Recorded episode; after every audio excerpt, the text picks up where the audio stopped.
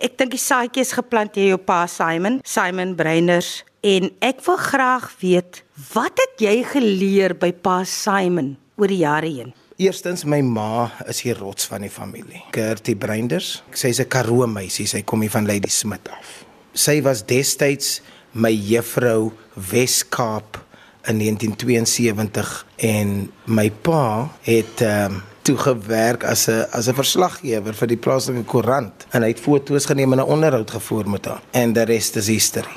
So ek is 'n Suid-Kaapse kind. My pa is nog altyd hy en sy broers op George, sy broers se skoolhoofde van Parkdean onderwys. Verstaan, my ouma se onderwyseres gewees en my pa het toe destyds vir kleerlingsake gewerk en 'n gemeenskapsman en drama was hulle ding, jy weet. So hy was 'n gemeenskapsman nog altyd en in 1980, vroeg 1980 kry hy 'n werksaanbod wat hy toe voorgaan en dit is in Sekunda Transvaal en ek sê Transvaal want dit is in 1980 en um, as personeelbeampte en hy doen toe aansoek en hy kry toe die werk. Hy sê vir hulle ek gaan nou my gesin vat en ons gaan Transvaal toe en dit was oorlog. Want wat gaan maak jy daar? Dis was dis soos 'n oorsee. Verstaan? Dis soos 'n Dis is 'n oorsee die verste wat ons ry is dalk Kaap toe, Nieuweland toe. Verstaan jy? En dan vat dit 2 dae om daar te kom. so jy wil nou Transvaal die wortels gaan plant en hy doen dit toe en hy 6 maande vooruit en 6 maande later was ek 6 jaar oud en ons is toe op die trein hier deur Gauteng toe wat toe Transvaal was en um, en daar's 'n nuwe gemeenskap en Sasol sê vir hom ons gaan die beste brein en indeer ambagsmanne in die land trek na hierdie maatskappy toe. So ons soek jou om hierdie gemeenskap te laat funksioneer soos 'n gemeenskap. Ons gaan 20000 huise bou. Jy het 'n oop chequeboek. Sê wat soek jy? En 'n eerste ding wat hy doen is ontspanningssaal wat gebou word met 'n groot saal en 'n groot verhoog want ons gaan konserte hou. Altyd terug na kultuur toe. So, ons is toe daar in Kinross en hy's op elke komitee, hy's op die skoolkomitee, hy's op die dorpsraad komitee, hy's op die streekdienste raad komitee. Die gemeenskap was great. Alwen ek wil by jou weet, toe jy nou trek daai wêreld toe, Transvaal destyds. Hoe was dit vir jou as kind om daar aan te pas? Het jy maklik aangepas? Het jy onmiddellik geweet ek wil akteur word? Hoe dit gebeur? In 1983. So die eerste ding wat my pa natuurlik gedoen het is hy het uh, hy het hy het 'n drama skool begin of 'n 'n drama groep begin en hulle 3 jaar later is hulle in Rodepoort en hulle tree op by Rodepoort se drama kompetisie of whatever dit toe was. En in die gehoor sit Jans Rautenbach en hy kom na my pa toe en hy sê Simon, ek het 'n nuwe fliek wat ek doen en sy naam is broer Mati en dit gaan oor 'n wit oudsoring se plaasboer wat 'n breinseun aanneem en hy laat hom leer vir 'n dominee. Die pa sterf, hy val van 'n perd af en hy sê in sy testament my aangenome breinseun sal my begrawe uit die kerk wat ek lief is vir. En die helfte van die fliek soos julle weet speel af in die konsistorie terwyl hulle besluit sal hulle breinpredikant toelaat op die preekstoel en om deel te wees van daai geskiedenis is amazing en ek het dit gesien en ek was daar op die stel saam met Paul Lukhof en gesien. En op daai stadium het ek nog nie gedink dat hierdie industrie is vir my nie. Ek was jonk en klein en maar ek het ook gesien hoe my pa dan dan gaan hy terug na sy werk toe by Sasol sy day job. Sy day job was dat hy 'n personeelbeampte by die groot maatskappy en dan kom daar weer 'n rol Grey Hofmeyer se 2 weeks in paradise met Denise Newman. Dan gaan hy na Sasol toe en hy sê, "Oké, okay, ek moet nou 6 maande afkry want ek moet nou deur." Dan sê hulle, "Nee, chom, jy sal 2 jaar vooruit se verlof gevat. Jy kan nie. Dit werk nie so nie." En dan bedank hy want dit is sy liefde en dis sy passion en dis waaroor alles gegaan het. Jy moet onthou hy's ou van George. En dan bedank hy om die rol te gaan doen. En ja, en, en dan gaan dit lekker en daar's groter salaris vir die volgende 6 maande maar dan sou ook die stiller tyd en ek het dit gesien as 'n kind waar my pa dan nou as 'n vryskut akteur waar dan nie altyd die werk is nie.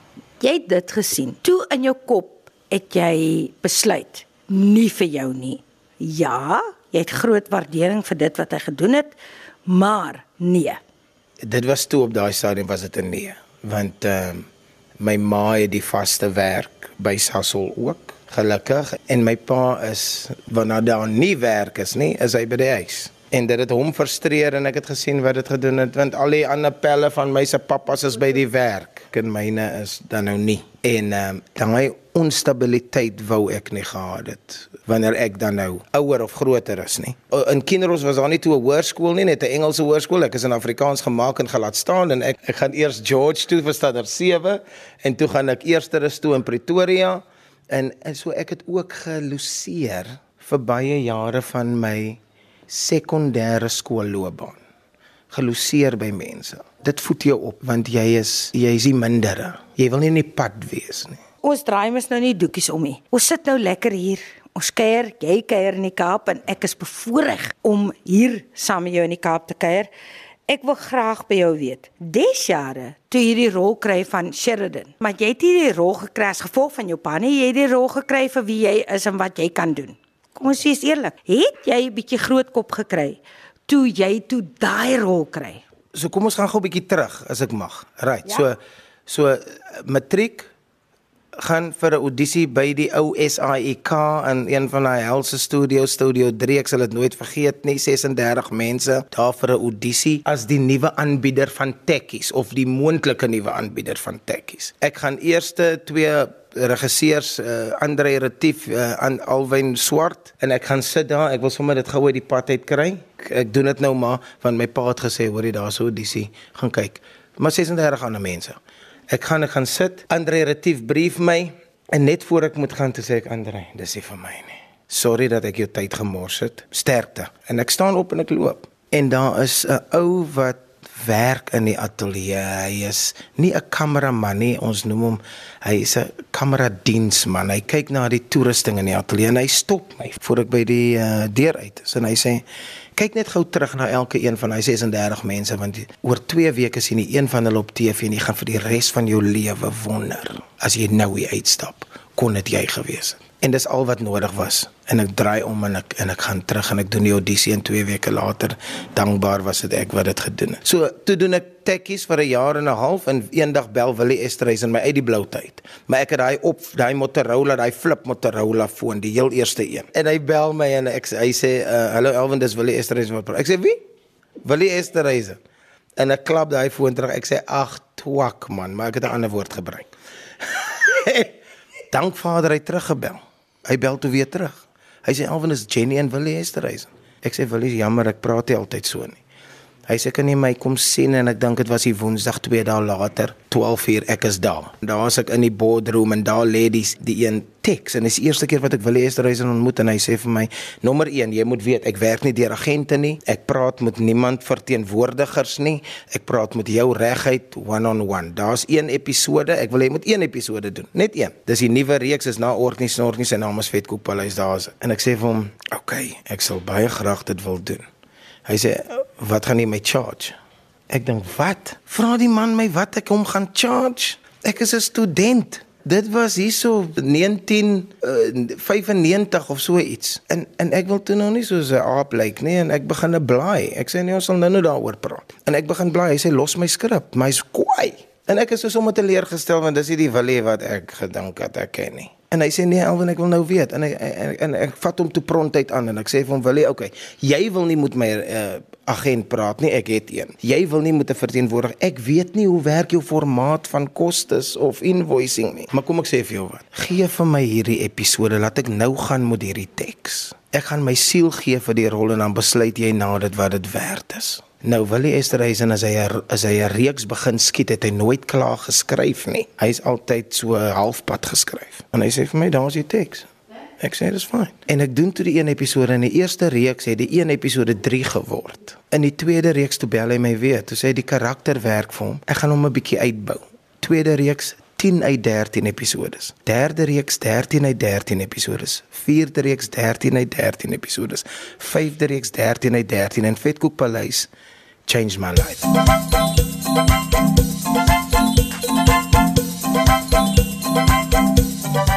So op die ou einde van die dag was dit 55 episodes van Vetkoek Paleis. En dan praat ek nie van die heruitsaai nie. Jy weet mos nou. Twee chicken mayos and two cappuccinos coming up. Daar sê pik en geniet en dit wil jy kan klaarmaak, sit ons vir julle 'n brakkie sakkie. Dis nou 'n doggy bag. Enjoy.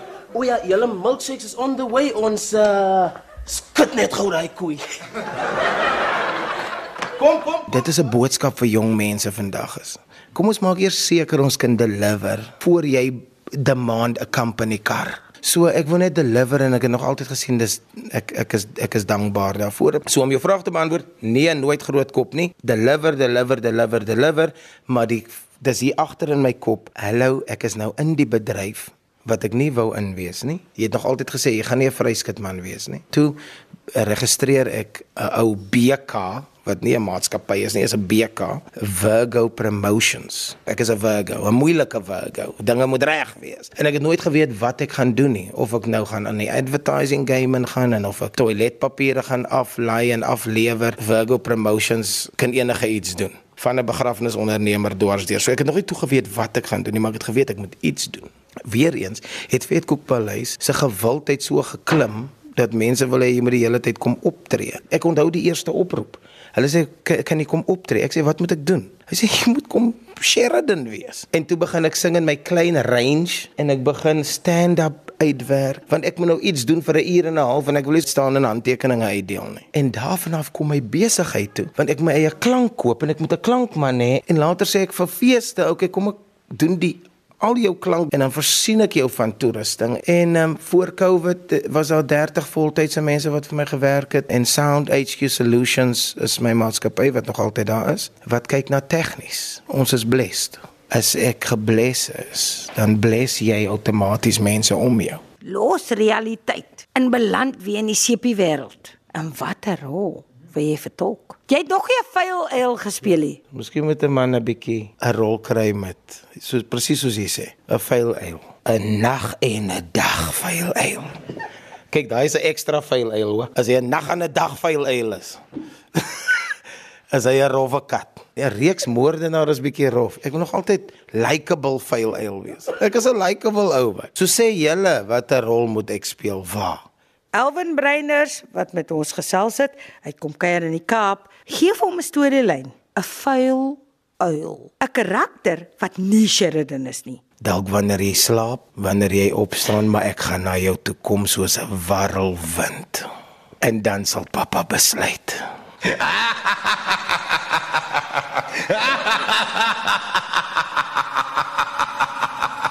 ha ha!